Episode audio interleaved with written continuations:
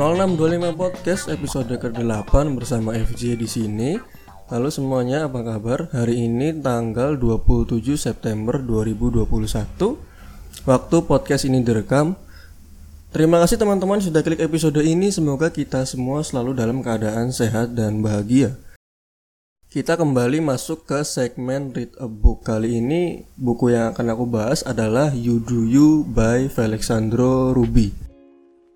Seperti biasa ya teman-teman, aku akan bagi segmen ini jadi tiga bagian yaitu prolog, isi, dan epilog. Kita masuk ke bagian prolog.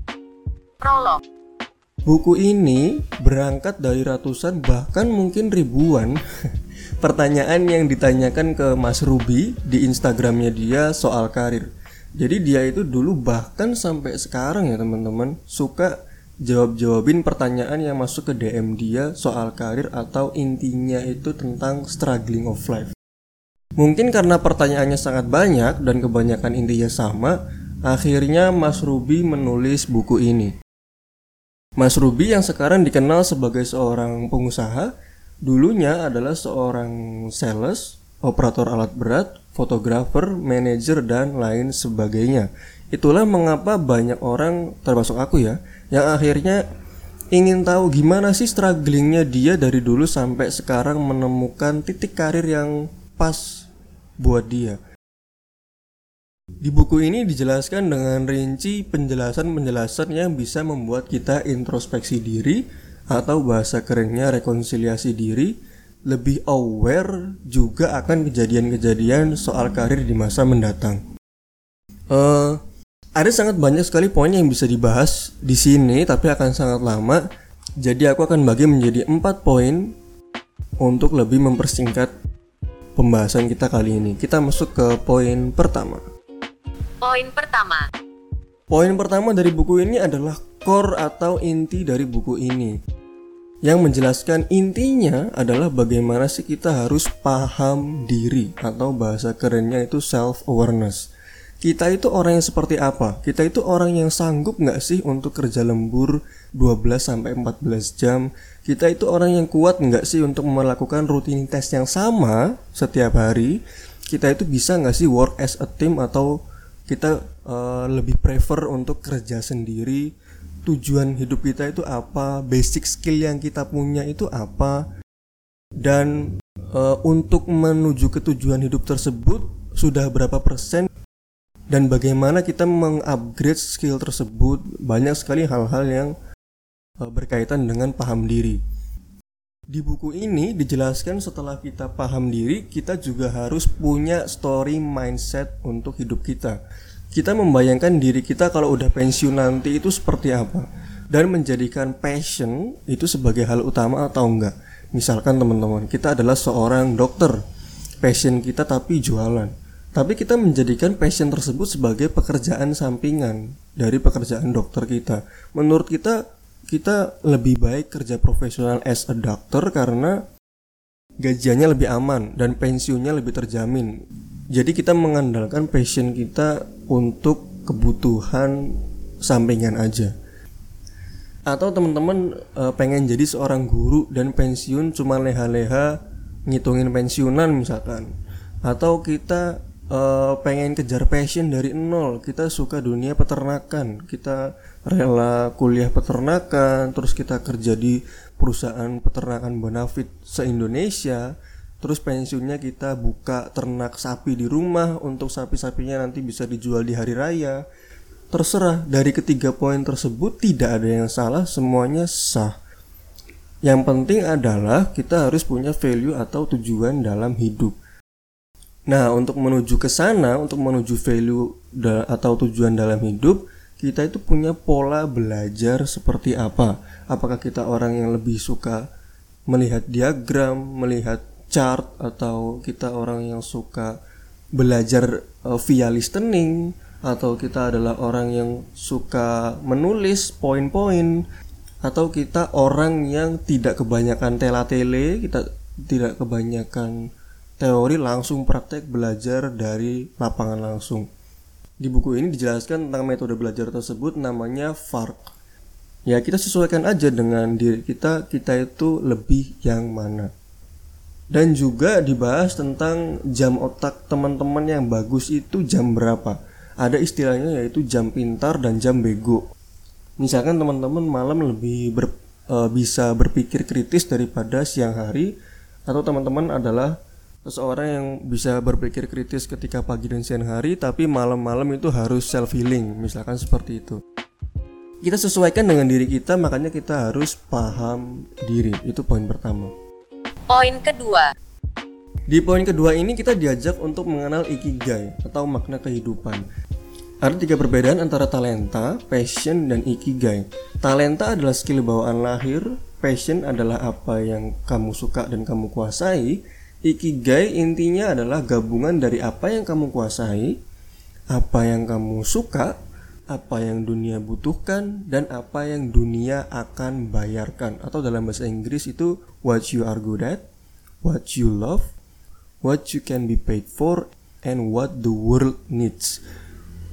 Uh, untuk kebanyakan orang akan berpikir bahwa kalau mau dapat empat itu untuk mendapatkan kebahagiaan atau untuk mencapai ikigai makna kehidupan itu kita harus mulai dulu dari what you love. Padahal kita juga bisa kok mulai dari what you are good at. Contoh gini teman-teman, ada orang yang pintar programmer, dia seorang programmer tapi dia tidak senang dengan pekerjaannya. Tapi setelah beberapa tahun kemudian dia menemukan bahwa ini tuh bisa menjadi basic buat bikin website jualan uh, online yang bisa helping people. Dia ternyata suka helping people. Jadinya dia love the job.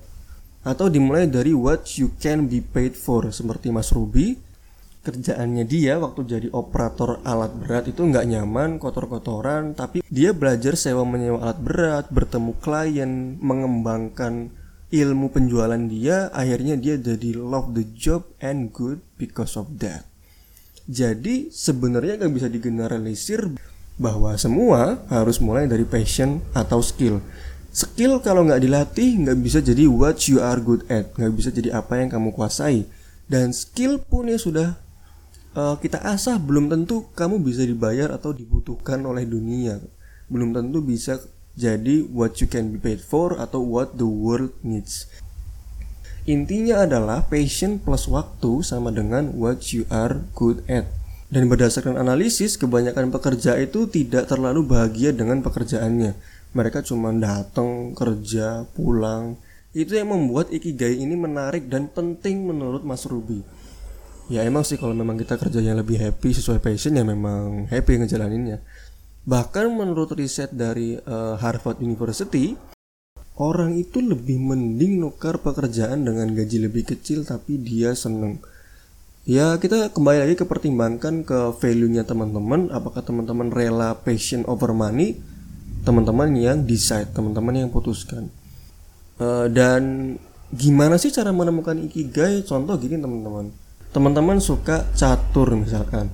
Catur itu kan bisa jadi banyak bisa jadi pemain profesional kayak Magnus Carlsen, bisa jadi streamer di Twitch kayak Hikaru Nakamura, bisa jadi analisator kayak Judith Polgar, bisa jadi komentator setiap match kayak Gotham Chess atau Agat Meter bikin konten, bisa juga jadi animator catur di uh, aplikasi gitu, atau bisa create aplikasi gitu. Jadi memang uh, dari satu kata benda aja kita bisa bagi jadi Eh, bagian-bagian uh, yang cukup banyak gitu. Dan eh, teman-teman bisa mulai itu dari apa yang teman-teman suka. Bisa jadi teman-teman kalau memang suka sesuatu dan emang cepat menguasainya cepat paham materinya dan akhirnya banyak orang yang apresiasi itu biasanya teman-teman akan menjadi what you are good at. Uh, itu tanda-tanda bahwa apa yang teman-teman suka akan uh, menjadi apa yang teman-teman kuasai dan ikigai ini bisa berubah seiring waktu ya teman-teman. Kalau teman-teman ternyata menemukan ke depan uh, sesuatu yang menurut teman-teman bagus ya why not kenapa kacang? Misalkan sekarang teman-teman petugas gudang, operator gudang, tapi ternyata kerjaannya berat. Harus stok kontrol, menghitung uh, keluar masuk barang, harus laporan stok tiap hari ke PPIC, terus juga harus melayani eh, departemen-departemen lain gitu. Dan eh, terus teman-teman menemukan bahwa ada pekerjaan yang gajinya hampir sama tapi tidak terlalu pusing yaitu operator forklift gudang misalkan. Eh, dan teman-teman tertarik ya ya coba riset aja apakah gajinya masuk apakah ada hal-hal tertentu. Misalkan kan kalau forklift itu kan harus ada lisensinya harus ada sertifikasinya. Itu dapatnya berapa tahun caranya bagaimana harganya berapa mahal atau tidak. Itu dan kalau misalkan teman-teman ambil worth nggak sih untuk pekerjaan teman-teman ke depannya untuk karir teman-teman ke depannya teman-teman yang putuskan. Dan di buku ini juga dibahas tentang multipotensi yaitu jadilah generalis bukan spesialis. Kalau kita bisa adaptasi dengan sesuatu hal baru dengan cepat belajar dengan cepat ya why not? Kenapa kacang tapi kembali lagi kalau spesialis memang value teman-teman silahkan. Misalnya teman-teman lah udahlah eh, aku pengen jadi dokter aja aman untuk pensiunan. Aku pengen jadi pengacara aja aman untuk pensiunan. Ya silahkan itu sah gitu. Itu tadi tentang ikigai sekarang kita masuk ke poin ketiga. Poin ketiga. Ambil banyak resiko bekerjalah paling keras dan berinvestasilah paling banyak di usia 20-an tapi Mas Ruby kasih note nih di kalimat ini yaitu lakukan dengan sadar tanggung jawab dan pahami konsekuensinya atau aku bisa tambahin juga harga yang harus dibayar atau ekspektasi-ekspektasi hal-hal yang gak diinginkan. Pertimbangannya adalah kenapa usia 20-an adalah kalau eh, teman-teman gak nikah muda ya itu pertama belum pusing karena anak. Yang kedua belum pusing dengan gaya hidup. Yang ketiga belum ada tanggungan istri tentunya dan lain sebagainya. Apakah ketika sudah menikah nggak bisa ambil banyak resiko? Ya bisa. Cuma nanti kan pertimbangannya eh, lebih banyak gitu ya. Tapi kalau memang harus mengambil resiko ya so be it. Dan Mas Ruby di buku ini membagikan bahwa 20-an itu harusnya lebih eksperimen umur 20-an ya. Umur 30-an itu menikmati satu atau dua job yang kita suka skill yang kita suka yang kita kuasai dan umur 40-an itu mematangkan satu atau dua tadi. Dan ketika kita mencoba mencoba ambil banyak resiko misalkan eh, kita eh, akhirnya harus em, mengubah karir kita atau uh, banting karir gitu. Ya memang kita harus uh, normalize banting karir. Contoh misalkan ada Bang Panji Pragiwaksono. Dia itu kuliah desain produk. Sekarang pelawak gitu. Ada juga contoh di buku ini temannya Mas Ruby. Dia seorang pengacara tapi sekarang jualan mie ayam frozen. Alasannya sederhana kenapa? Nggak greget sama pekerjaan dia sebagai pengacara. Kurang dia banget. Sangat simple. Dan ternyata passionnya di jualan. Ya nggak apa-apa tapi balik lagi bahwa lakukanlah dengan sadar tanggung jawab pahami konsekuensinya. Atau eh, ketika umur 20-an kita ketika kita mau mengeksplor kita terjebak oleh keinginan orang tua. Misalkan kita pengen jadi youtuber orang tua kita pengen kita jadi pengacara. Ya nggak apa-apa menurut mereka kan memang gajiannya aman pensiunannya aman. Terus kita harus meyakinkan dong orang orang tua kita eh, ini loh pendapatan youtuber ini loh youtuber tuh bisa jadi kerja di industri kreatif yang lebih besar misalkan atau mungkin bisa masuk ke industri perfilman misalkan gitu. Kita harus pintar-pintar meyakinkan orang tua kita. Dan juga ketika kita mencoba eksperimen tersebut tentu dan pasti banyak sekali gagalnya. Tapi kalau kata orang habisin dulu jatah gagalmu daripada nggak pernah mencoba sama sekali. Dan ketika kita gagal kita kan nggak mengulang dari nol lagi teman-teman. Misalkan kita main game kita gagal kita kan bisa juga ngulang dari level 14 level 69 misalkan atau level 99 satu level lagi sebelum eh, raja terakhir. Dan aku percaya teman-teman apa aja sebenarnya kalau memang diseriusin ya memang jadi. Cuman kitanya memang malas aja. Poin keempat. Eh, kita akan membahas apa itu net worth atau aset. Musim 20-an adalah musim yang tepat juga untuk membangun aset. Aset atau net worth terdiri dari empat yaitu skill, influence, well-being atau kesehatan, dan juga uang. Tanpa salah satu dari itu nggak akan berjalan dengan baik. Tanpa kesehatan lupakanlah kita bisa bekerja, berkarya. Tanpa skill percuma lah kita karena nggak akan ada nilai tambah tanpa pengaruh besar atau influence ya teman-teman akan di situ di situ aja gitu.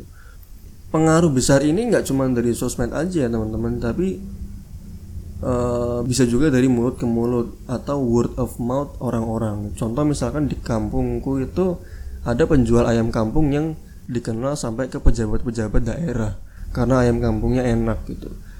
Beliau si penjual ayam kampung ini ibu-ibu ini nggak punya Instagram tapi dia membuktikan lewat word of mouth orang-orang omongan orang-orang bahwa beliau lah yang paling enak ayam kampungnya. Atau misalkan kita mau pijit kita misalkan mau pijit uh, kita tanya orang-orang uh, tempat pijit yang enak tuh di mana ya? Terus orang-orang bilang itu mas Pak Subur di Karangsambung misalkan. Ya kita kan rela akhirnya naik motor apa ke Karangsambung demi pijit-pijit yang enak gitu. Uh, terus bicara soal skill di buku ini dijelaskan oleh Mas Ruby bahwa ada pola skill yaitu I shape, T shape dan juga M shape. Bahasa gampangnya sih tingkat satu, tingkat dua dan tingkat tiga lah teman-teman. Tingkat satu itu hal yang kita kuasai banget. Tingkat kedua itu yang kita bisa sedikit. Tingkat ketiga adalah skill tambahan kita kayak kepemimpinan, customer service, work as a team gitulah intinya dengan tiga tingkat ini biasanya uh, jobnya itu manajer ya. Tapi nggak menutup kemungkinan juga kalau value teman-teman itu kerja sendiri gitu. Contoh misalkan di Google pekerjaan animator itu bisa setara sama manajer. Bicara soal kesehatan intinya mensana incorpore sano di dalam tubuh yang sehat terdapat jiwa yang kuat. Kita harus jaga olahraga dan lain sebagainya. Lebih mending lah teman-teman olah, olahraga itu setiap hari satu jam kita exercise daripada seminggu sekali tapi langsung 5 jam. Dan e, bicara soal uang ada 8 money income atau sumber uang terserah teman-teman mau e, pilih yang mana sesuai dengan value dan self awareness teman-teman. 8 money income ini di antaranya sweet income atau uh, gaji yang gaji pokok kita di perusahaan atau profit income penghasilan kita dari jualan misalkan. Atau interest income saham misalkan reksadana obligasi. Ada juga uh, rental income contohnya kita punya usaha rental mobil kos-kosan. Atau kita juga bisa beli barang untuk dijual 2-3 tahun ke depan dengan harga yang lebih mahal. Itu namanya capital gain. Makanya artis-artis dan juga idol-idol itu pada beli barang-barang branded dan mahal ya karena bisa dijual lagi dengan harga yang lebih mahal gitu. Ada juga uh, royalty income contoh misalkan J.K. Rowling dia menulis uh, Harry Potter akhirnya difilmkan dan dia mendapat royalty. Dan yang terakhir yaitu uh, attention income contoh uh, kita youtuber dan lain sebagainya. Dan juga di buku ini juga diajarkan tentang financial planning. Uh, yang intinya adalah teman-teman harus tahu beberapa berapa pengeluaran teman-teman berapa teman-teman bisa nabung tujuan teman-teman itu uangnya membuat apa misalkan buat beli rumah misalkan. Dan tahu uh, cara menabung yang baik. Dan juga uh, sedikit dibahas tentang membandingkan pengusaha dan karyawan. Banyak orang berpikir bahwa karyawan itu budak korporat atau gajinya kecil misalkan sebenarnya nggak juga. Banyak teman-temanku juga yang kerjanya sama operator produksi tapi gajinya bisa setara supervisor atau manajer di kota lain. Banyak teman-teman juga yang suka dan mungkin mereka uh, nyaman dengan kerja itu karena memang value hidup mereka adalah rutinitas main aman hidup berkesinambungan hidup hidup balance gitu ya. Kembali lagi ke self awareness is very important for this case Oke, itu aja teman-teman tadi empat poin yang bisa aku sampaikan. Sekarang kita masuk ke epilog. Epilog. Epilog atau kesimpulannya memang self awareness begitu penting agar kita bisa meniti karir ke value yang kita inginkan.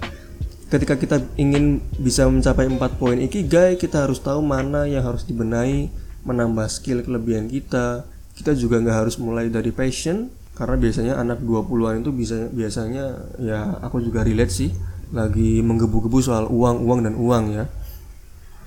Terus juga kita disarankan untuk bereksperimen sebanyak mungkin dan juga menemukan role yang tepat buat kita dan juga men- menggali network atau aset dari diri kita. Banyak sekali pengalaman dari Mas Ruby, wisdom dan juga case-case dalam karir yang sangat membantu teman-teman usia 20 sampai 30-an untuk bisa menjawab kegalauan soal karir. Buku ini di- de- ditulis dengan bahasa gue lo dan juga banyak sekali bahasa Inggrisnya jadi siap-siap aja teman-teman yang beli buku ini untuk sedia translator juga untuk eh, teman-teman bisa mengetahui bahasa Inggris sedikit-sedikit lah. Tapi kalau teman-teman sudah bisa ya nggak usah pakai translator. Terus eh, buku ini juga banyak eh, apa ya bahasanya? Kalau kalau di game tuh crystal egg lah intinya tentang eh, referensi ke website lain atau bahkan in- eh, pribadi Mas Ruby sendiri. Buku ini juga ditulis dengan banyak sekali warna untuk mempertegas jadi nggak bikin cepat ngantuk dan juga cocok buat teman-teman yang baru mulai eh, baru mulai habit membaca buku. Buku ini aku beli di Gramedia. Cetakan kelima dan cetakan pertamanya itu tahun 2020 bulan Desember waktu masih pandemi Covid. Jadi masih baru diterbitkan dan dis- didistribusikan oleh Gramedia Pustaka Utama. Oke itu aja teman-teman episode ke-8 ini. Terima kasih sudah mendengarkan sampai akhir. I'm proud of you as always. Kita ketemu lagi di episode segmen Read a Book Dan episode lain di 0625 Podcast selanjutnya. Aku FJ pamit. Bye bye See you later